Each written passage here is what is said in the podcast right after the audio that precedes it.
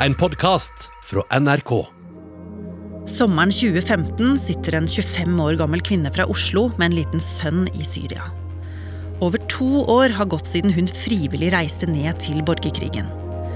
Men lenge har hun ønska seg hjem til Norge. Noe mannen hennes har satt en stopper for, ifølge henne. Nå er han borte. Den norske fremmedkrigeren Bastian Vasques døde mens han lagde eksplosiver for terrorgruppa IS. Og hun aner en mulighet til å komme seg vekk. Men utenfor døra herjer en brutal krig. Hvordan skal hun og barnet komme seg ut i live? Og vil Norge i så fall ha henne tilbake? Dette er IS-kvinnens forklaring del to.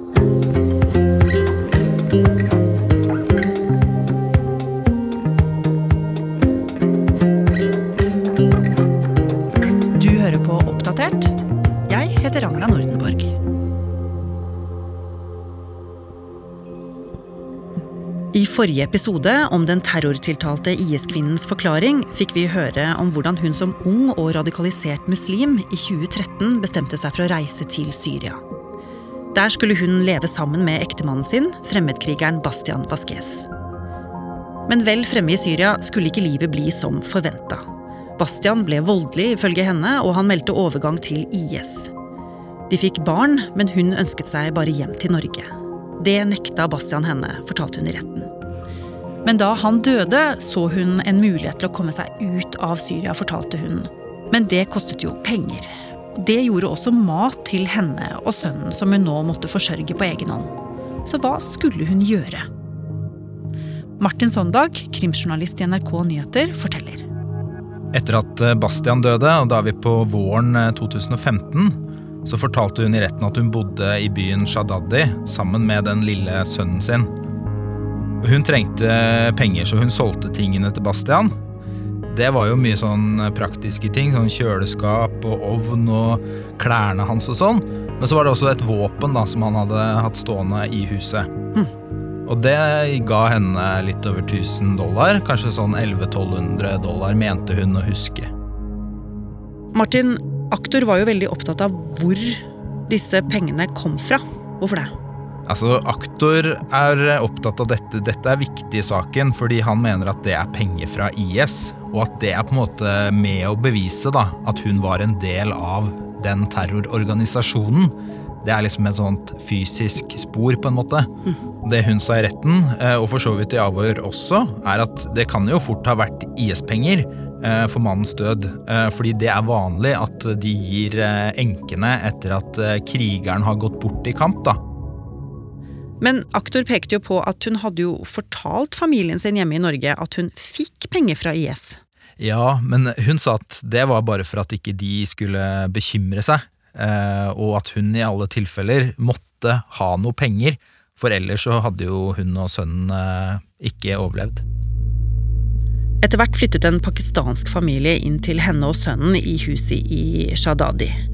Og utenfor husets fire vegger ble det bare mer bombing, fortalte hun i retten. Hun hørte fly som kom nedover, og at hun bare satt og ventet egentlig på at det skulle komme bomber som ødela huset, og at hun skulle dø. For borgerkrigen i Syria var på dette tidspunktet i sitt fjerde år, og alt hadde gått skikkelig galt. En ny bombe har eksplodert i den blodige krigen i Syria. Skillet mellom sivile og militære mål er nesten visket ut. Flere andre soldater fra den syriske opprørshæren er rammet av et gassangrep, trolig nervegass. Peace negotiations over Syria's grinding civil war appear to have reached an impasse once again. Og vi har da kommet til sommeren 2015, og IS-kvinnen bestemte seg for å gjøre et nytt forsøk på å komme seg ut av Syria. Men det skulle fortsatt være veldig vanskelig. Altså, hun hadde jo som regel ikke tilgang til nett eh, i Syria. Eh, hun har forklart at hun på et tidspunkt fikk tak i et SIM-kort, og hun klarte å sende av gårde en mail til en norsk advokat, eh, Bjørn Nærum, og hun presenterte seg og sa at hun hadde et barn som er født altså, i Syria, eh, at det ikke hadde pass eller ID, og at hun ønsket å komme seg tilbake til Norge. Men hun var også veldig tydelig på at hun ikke ville at media skulle blandes inn på noe som helst måte. Og hva skjedde? Altså Hun fikk etter hvert et svar, men det svaret var at hun måtte komme seg til grensa. Da kunne hun kanskje bli henta.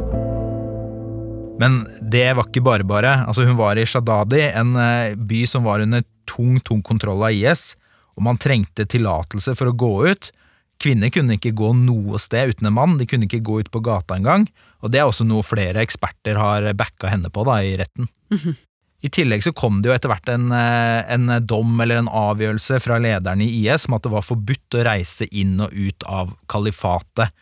De var blant annet redde for at folk skulle spionere, men de ville jo heller ikke at folk skulle dra fra kalifatet. Da ville de jo rett og slett miste innbyggere, og det var en veldig aktuell problemstilling, eh, for det var ikke bare bare å bo der. Mm.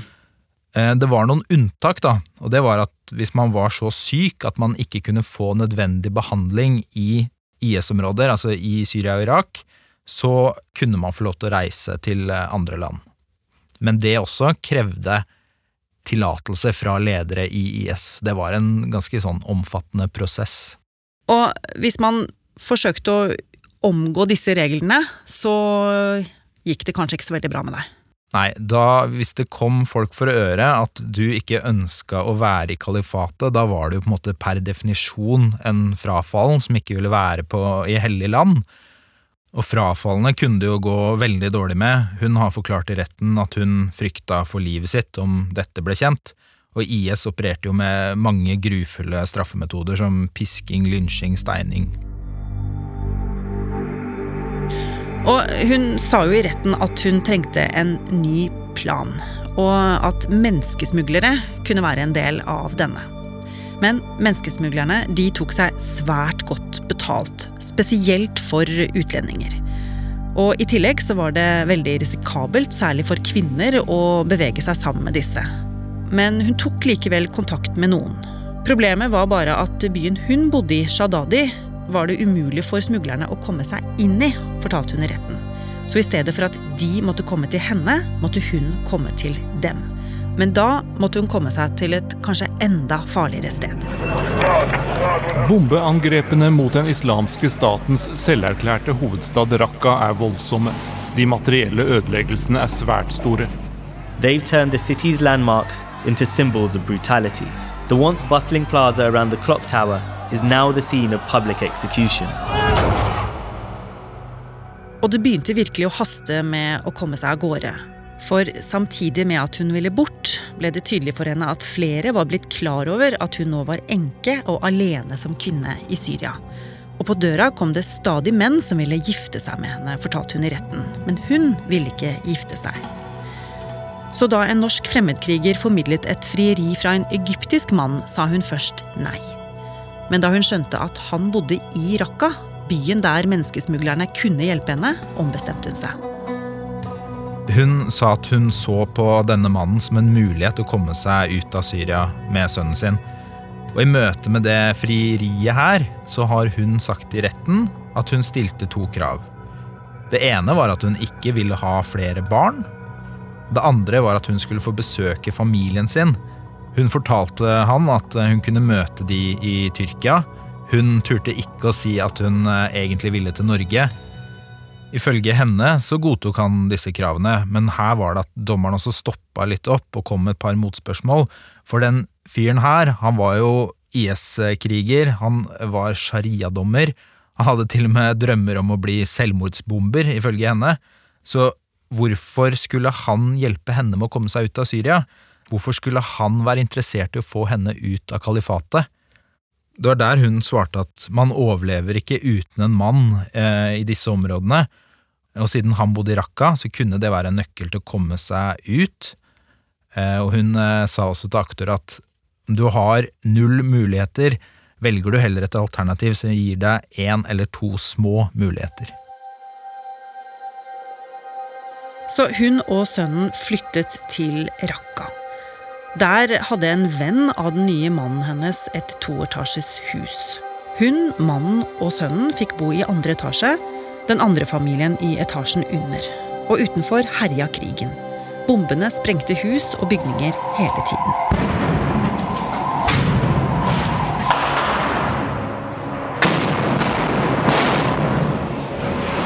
En amerikanskledet koalisjon bomber denne byen og andre IS-mål i regionen.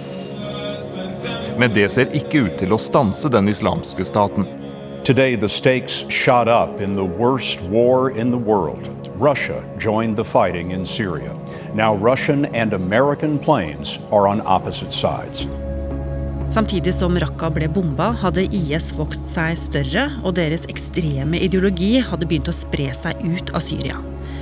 I 2015 drepte de helt vanlige mennesker uten forvarsel rundt om i Europa og verden.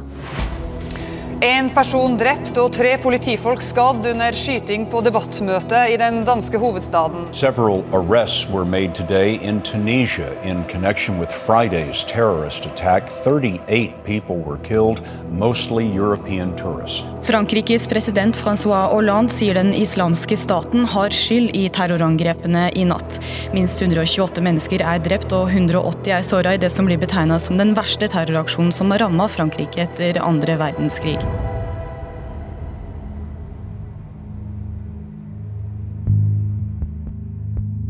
Selv hevdet IS-kvinnen i retten at hun på denne tida satt i et hus i Raqqa og maste på den nye mannen sin om å komme seg ut av landet og besøke familien sin. Men hun skjønte etter hvert at han ikke hadde tenkt å hjelpe henne. I stedet ville han at hun skulle be mer, lese Koranen, og han skal ha truet henne med å ta gutten fra henne, så hun stoppet å mase. Så ble hun gravid, ufrivillig ifølge henne selv, og hun fødte en datter. Og nå hadde hun to norske statsborgere, to små barn der nede, i landet hun selv hadde valgt å reise til i 2013. Men så, i 2017, døde hennes andre ektemann, den egyptiske sharia-dommeren, i et angrep. Og her er det jo også greit å huske på at dette er ting hun fortalte om i retten. Dette er hennes egen versjon av historien, hva som skjedde mellom disse to, og hva hun virkelig tenkte og ønsket den gangen, det vet jo bare hun. Men ifølge henne så var det i hvert fall slik det var. Og med ektemannens død og all bombingen i Raqqa, så skjønte hun at det hastet med å komme seg videre. Ja, eh, hun og barna reiste fra landsby til landsby, og enda en og enda en. Det var veldig, veldig mange landsbyer på den eh, tidslinja der. Etter hvert så endte de hos eh, en vennefamilie av den avdøde ektemannen. Men i det huset så, så hun etter hvert at faren slo barna sine. Og hun frykta at han kom til å ta henne som ny kone på et eller annet tidspunkt, og mente det nærmest var eh, uunngåelig, så hun ville vekk derfra. Mm. Hvordan hadde hun det egentlig på dette tidspunktet? Hun sa i retten at eh, det her var et eh, punkt hvor hun var så langt nede at hun egentlig ville gi opp. Men hun sa at hun kunne ikke la barna være igjen i et helvete som hun ikke klarte å stå i. Og det er noe av grunnen til at hun etter hvert ble gift igjen. I 2017 fikk hun sin tredje ektemann i Syria. Dette var en mann som skulle gi henne håp, om ikke annet. Han var også egypter, og han hadde kjent sharia-dommeren. Men i motsetning til de to andre ektemennene var ikke han voldelig, og heller ikke IS-kriger, fortalte hun i retten. Han ville faktisk hjelpe henne. Og nå var også IS på defensiven. Terrorgruppa IS er i ferd med å bli jaga ut av byen Raqqa. Dette var den viktigste byen i Syria for IS. Territorielt så er de presset langt, langt tilbake, både i Irak og i Syria. De har mistet så mye territorium her i Midtøsten at spørsmålet er hvor lenge de kan fortsette å kalle seg en stat. stat. Hun var fortsatt på jakt etter en menneskesmugler, og mannen ville altså hjelpe. Men det kostet. Rundt 10 000 dollar sa hun for å få henne ut. Hun og mannen prøvde å skaffe penger på flere måter. De lagde yoghurt og supper av grønne vekster som de forsøkte å selge. Hvilke andre penger hun eventuelt hadde tilgang til på den tida, har ikke kommet fram i retten så langt. Det ble uansett aldri nok til å betale en smugler, hevdet hun selv. I stedet ble de drevet fra skanse til skanse. Det ble 2018 og 2019, og snart hadde hun flyttet rundt 30 ganger siden hun kom til Syria. Til slutt havna de i det siste IS-kontrollerte området, byen Baghosh. Her prøvde hun også å finne en menneskesmugler, men hun klarte ikke det. Dette var et utrolig kaotisk eh, område. I en periode så bodde de i en grotte som var dekka av tepper, og på toppen av det så var jo sønnen syk, har hun forklart.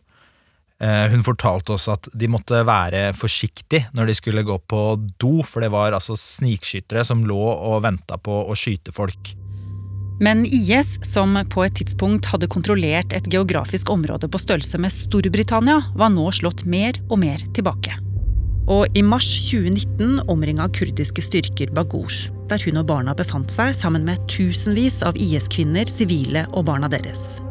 Store lastebiler begynte å frakte svartkledde kvinner i nikab og barn ut.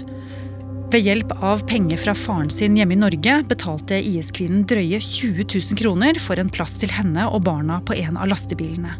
Samme dag ble de kjørt til Al-Hol-leiren.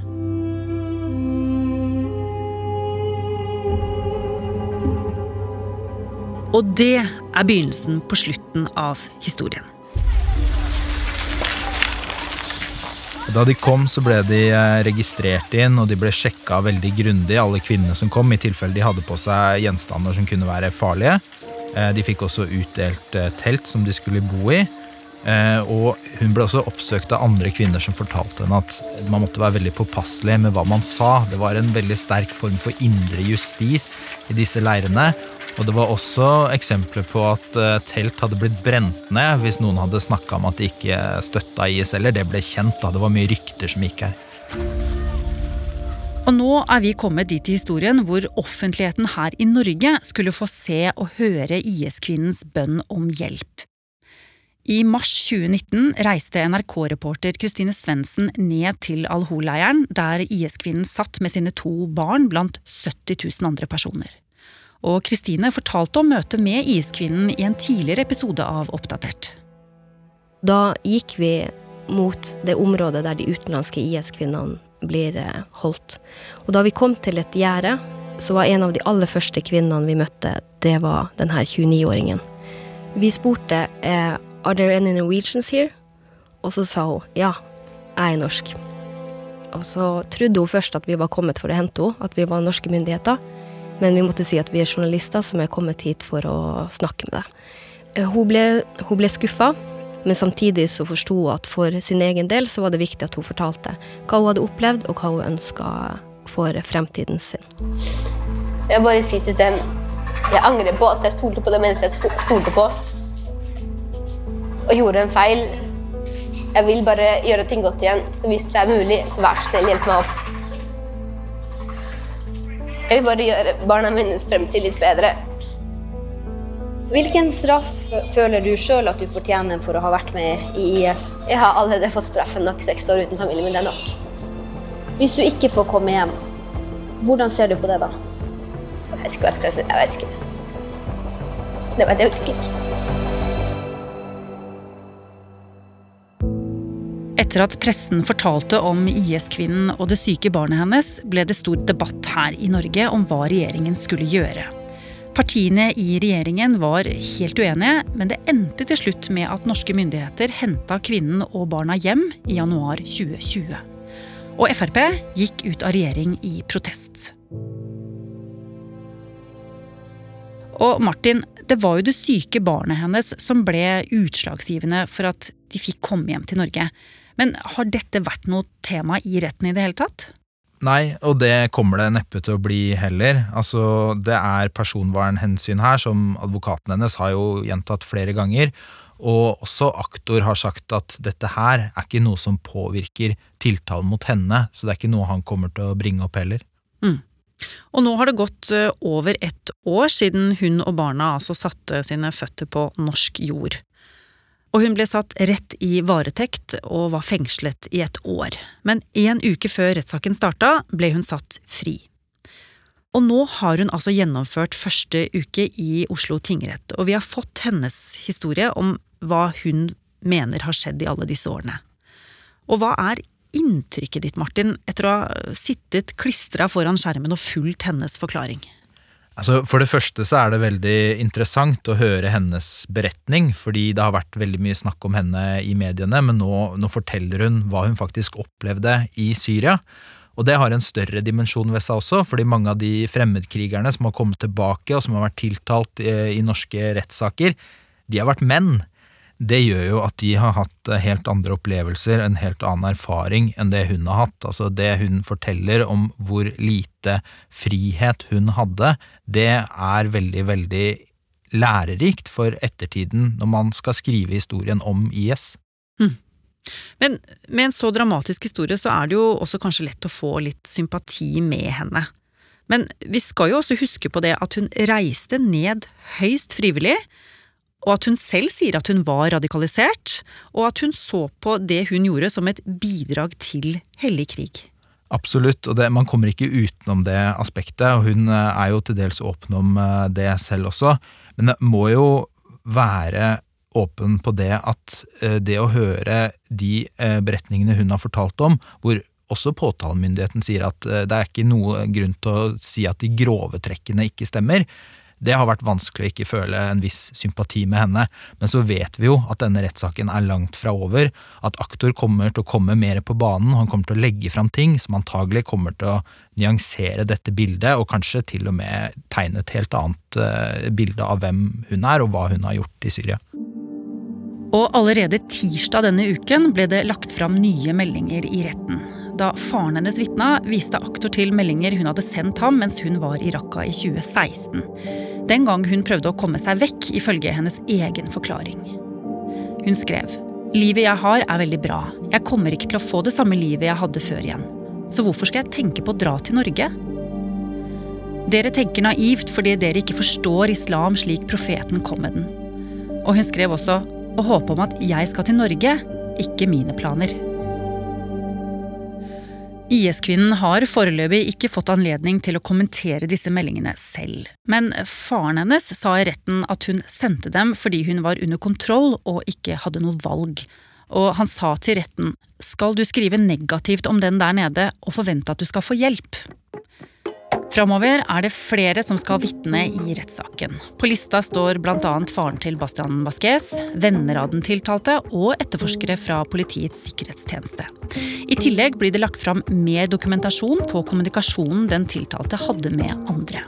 Og rettssaken varer i drøye to uker til.